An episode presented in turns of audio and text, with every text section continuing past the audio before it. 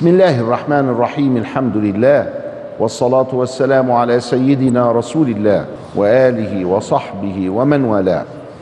مع أنوار سيد النبي صلى الله عليه وسلم ومع المعلومات أحاطت به في نسبه الشريف وفي ناسه ومن حوله في عالم الأشياء والأشخاص مما أحاط به صلى الله عليه وسلم. نعلم أنه هو محمد والذي سماه بذلك جده عبد المطلب. كان جالسا عند الكعبة فجاءه الخبر فقال أسميه محمدا. قال له أهل قريش ولم تسميه اسما؟ ليس كأسماء آبائك. كلمة محمد غريبة. ما حدش بيسمي محمد. قال حتى يحمده أهل الأرض وأهل السماء. الراجل واعي عبد المطلب. وعيه ظهر في حادثة الفيل. لما جه أبرهة وخد 200 من الإبل من عبد المطلب فعبد المطلب ذهب إليه ودخل فوجد أبرهة عليه ملامح الوجهاء والكبراء. كان وجهه أبيض أزهر وكان جميل الهيئة ومهابا فدخل على أبرهة. أبرهة وقع في قلبه خوف من هيبة عبد المطلب. جلس يفكر كيف يفعل مع هذا لو قال له انسحب وشاور نفسه أن ينسحب فدخل عبد المطلب. العقل عقل. آه والله. قال له ماذا تريد؟ قال له أريد إبلي. رد لي الإبل بتوع المتين دول. رجعهم تاني قال له لقد ظننتك عاقلا. مهابا ولما دخلت علي ظننت أنك ستأمرني أن أنسحب عن البيت. قال لا أمرك أن تنسحب أنا أمرت أهلي أن يخرجوا إلى الشعاف والشعاب والجبل, والجبل وأن يحتموا بها ودونك البيت. الإبل إبلي وإن للبيت ربا يحميه إحنا هنلعب. وانت فاكر البيت ده كده يعني؟ ده بيت محل نظر الله. الله. إن للبيت ربا يحميه. روح يا أخويا شوف. انزل كده عليه وشوف. أنا مالي؟ هو بيتي. وإحنا كنا ورثناه من أبائنا. ده البيت ده بتاع ربنا. مش واخد بالك انت ولا إيه يا إبراهيم هات لي بس الإبل بتاعتي قال ردوا عليه ابله ردوا عليه ابله حمل إبل وحفظها وكل حاجة. واستنوا نزلت الطير الأبابيل على دماغ ابرهه والجيش بتاعه وقضى عليهم في وادي محصر. وكان اسم الفيل محمود. طلع لا محمود ولا مذموم. وراح ضيع الدنيا. وقائد الفيل رأته عائشة وهو يتسول ضريرا في مكة. يعني كمان ما رجعش بلده. أعماه الله. واضطره إلى السؤال. وعائشة وهي صغيرة كده رأت الراجل ده اللي هو كان قائد الفيل. فعبد المطلب عاقل. وليه رؤية. ومن رؤيته أنه سمى ذلك المولود باسم المفعول من حمد الرباعي. حمد. حمد تبقى أربع حروف. ح وميم وميم تانية المشددة معاه والدال. حمد. لما يكون رباعي. اسم المفعول إيه؟ محمد. طب وحمد. اسم المفعول يبقى محمود. طب ولما ناخد صيغة أفعل من الحمد يبقى أحمد. وكانت العرب إذا أحبت شيئا أكثرت من أسمائه. ولذلك ترى المسلمين وقد أكثروا من أسماء سيدنا النبي. وجاء شخص من العلماء اسمه ابن دحية ألف الروضة المنيفة في الأسماء الشريفة. ووصل بها إلى أكثر من 250 اسم. وقالوا إن النبي له عند المسلمين ألف اسم. كلها صفات قائمة به صلى الله عليه وسلم. فهو محمد وهو محمود وهو أحمد وهو مصطفى وهو المتوكل على الله وهو العاقب وهو الشافي وهو الكافي صاحب السيف. وهو صاحب الوحيين وهو وهكذا. ولما تروح المدينة المنورة ربنا يكتب لنا زيارة الحبيب وتدخل المسجد تجد أتراك كتبوا أسماءه على داير داير كده. ها. وجمع السيوطي بعد ابن دحية أيضا كتابا في أسماء المصطفى صلى الله عليه وسلم. وذكر المسلمون أن من هذه الأسماء ما تأولوه من القرآن أي طه وياسين. بعض العلماء يقول لك دي دي حروف مقطعة زي ألف لام ميم وألف لام راء مش أسماء يعني. وبعض برض الناس يقول لك لا طيه لأنه قال له طه ما أنزلنا عليك القرآن لتشقى كأنه يخاطبه. آه. فطه وياسين من الأسماء التي سمي بها النبي عند المسلمين وتجد الناس تكثر من تسمية بطه وياسين تيمنا بسيد الخلق صلى الله عليه وسلم. حب النبي المصطفى ركن الإيمان. فكل ما حبيته وتدلهت في حبه فهذا مقياس إيمانك. والله لا تؤمن حتى أكون أحب إليك من نفسك ومالك والناس أجمعين. فلازم تحبه كده حب عاطفي مش حب كده يعني أنا بحب النبي لا.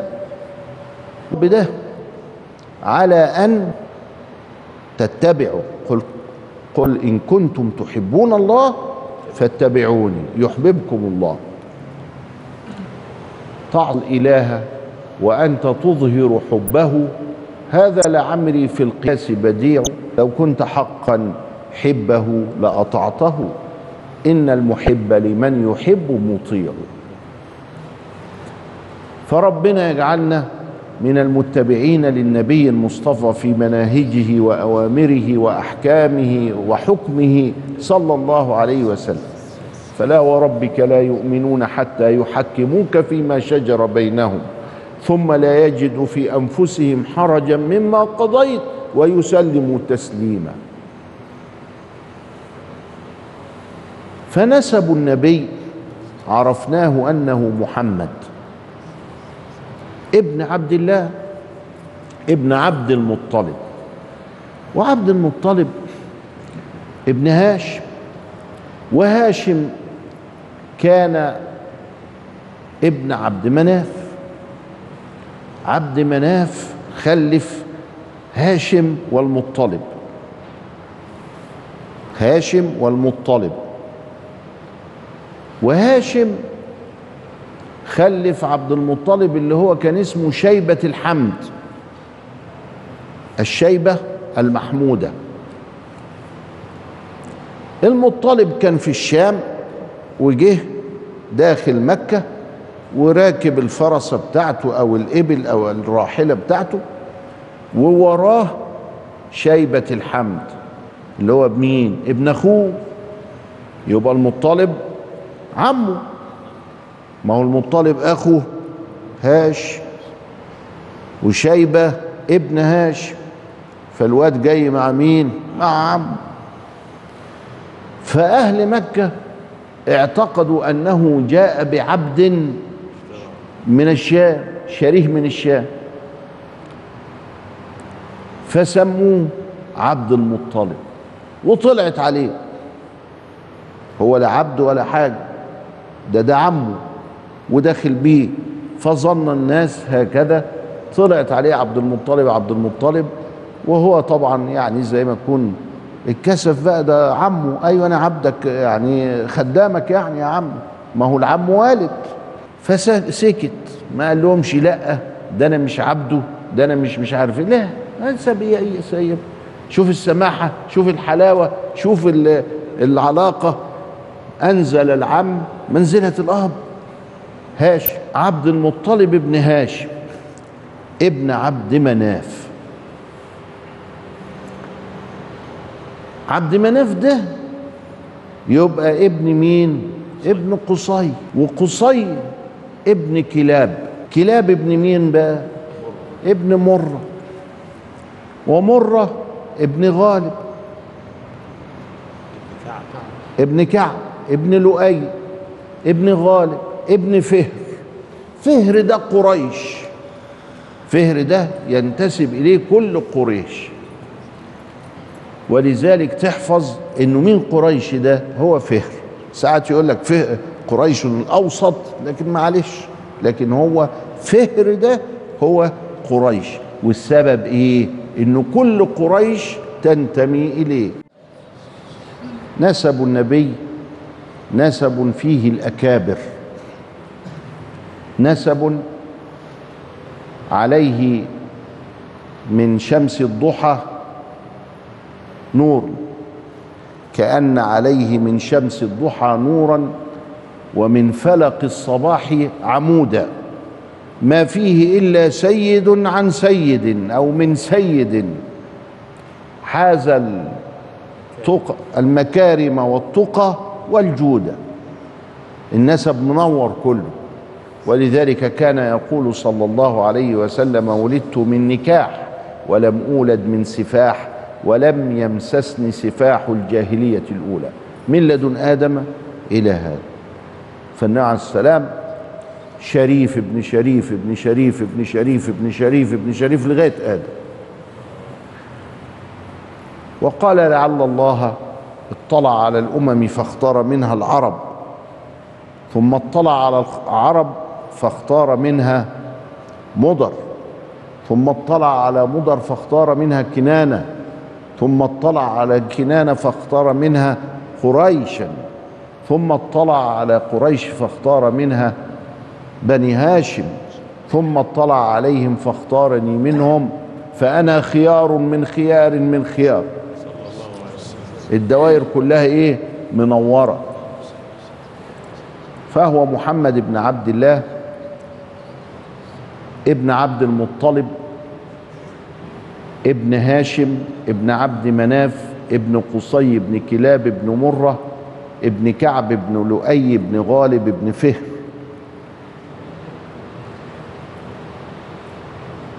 والنبي صلى الله عليه وسلم مع نسبه الشريف كان ذكيا فاطنا صادقا أمينا وهذه صفات المرسلين. لم تجرب عليه قريش ولم يجرب عليه قومه خيانة قط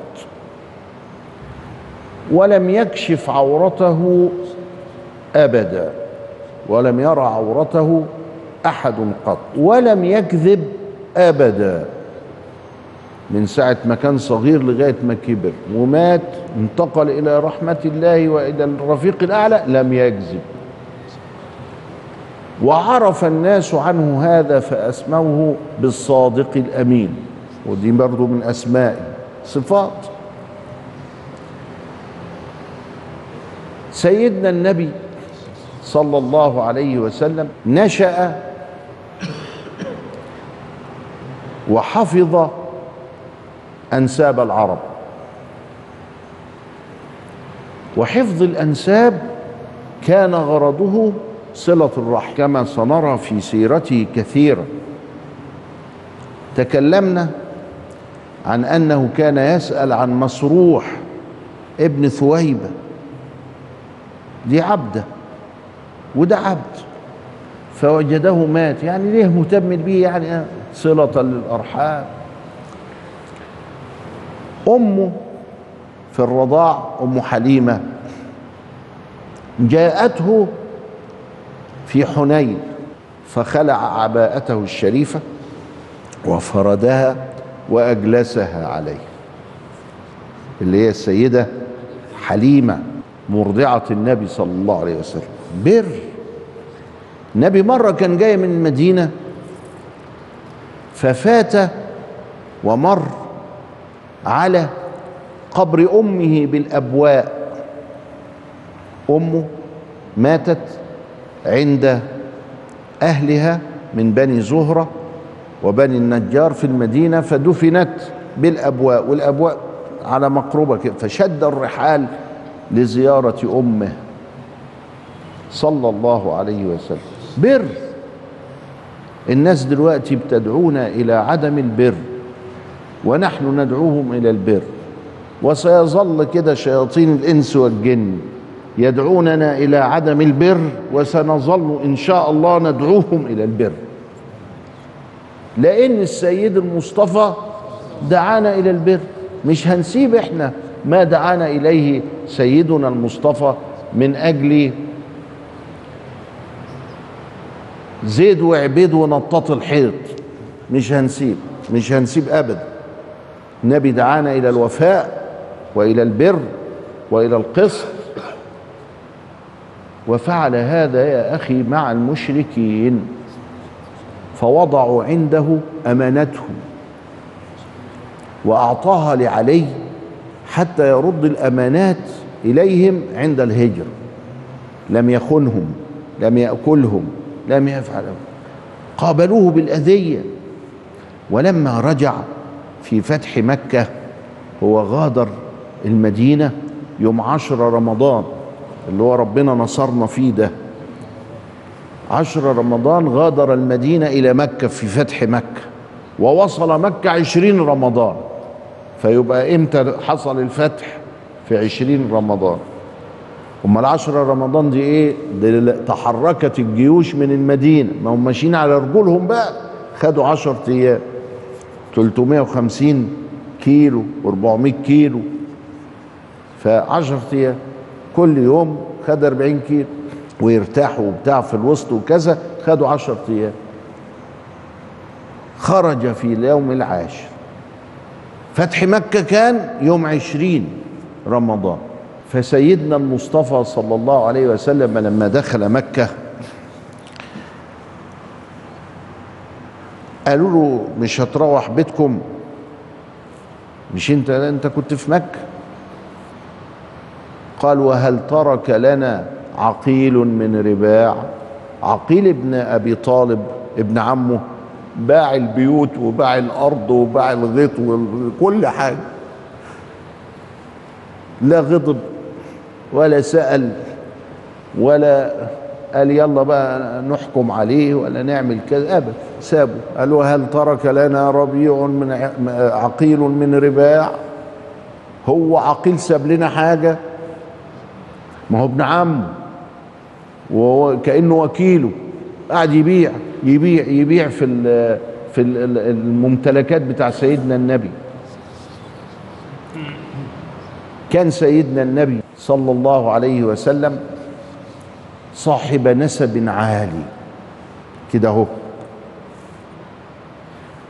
فكان يشعر بأنه شريف عزيز وكان صادقا وكان أمينا وكان ذكيا وكان فطنا وكان كيسا وكان رحيما وهذه صفات الأنبياء.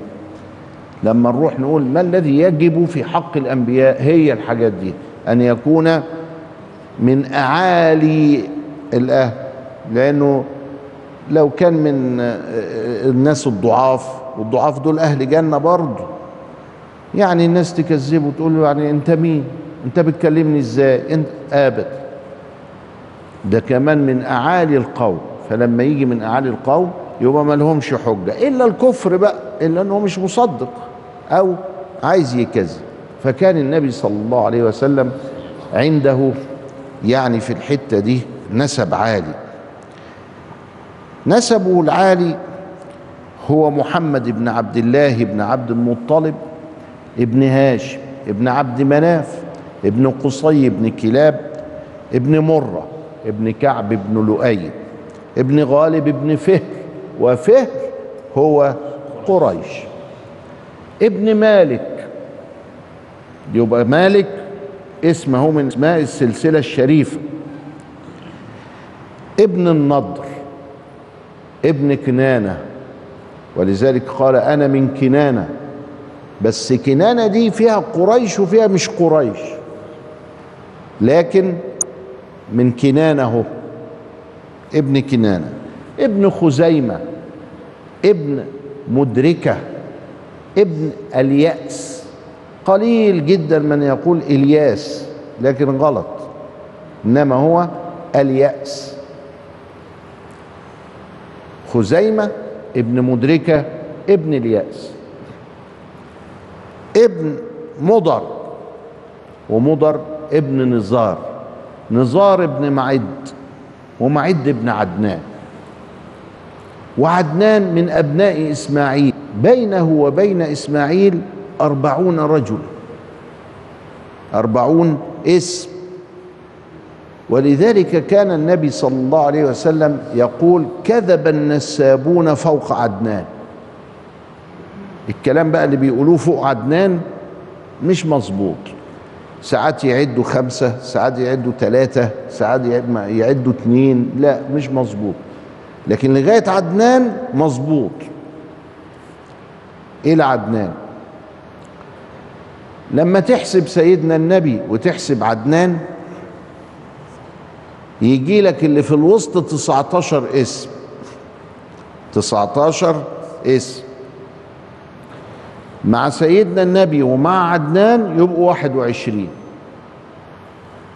يبقوا 21 لكن الأجيال اللي ما بين النبي وبين عدنان 19 جيل. لو كل جيل قلنا إنه 40 سنة يبقى كأنه دول 800 سنة 20 في 40 ب 800 كانت الحالة أيام معد ده حالة صعبة قوي. ما كانش فيه لا فرن ولا كان فيه عيش ولا كان فيه كذا. فكانت العرب تقول تمعددوا تمعددوا. يعني خليكم على أيام يعني شدوا نفسكم شوية. اخشوشنوا اخشوشبوا يعني خليك زي الخشبة كده زي المسمار. تمعددوا فإن النعمة لا تدوم. اشمعنى معد؟ لأن معد كانت ايامه صعبة. فعلينا جميعا برضو إن إحنا إيه نتمعدد كده. علشان نعدي بلدنا من اللي بيقول لك إيه العلة بتاعتنا؟ الاستهلاك. الاستهلاك والطرف. ما يلا نتمعدد كده اهو علشان نعدي بلدنا على خير. وإلى لقاء آخر أستودعكم الله والسلام عليكم ورحمة الله وبركاته.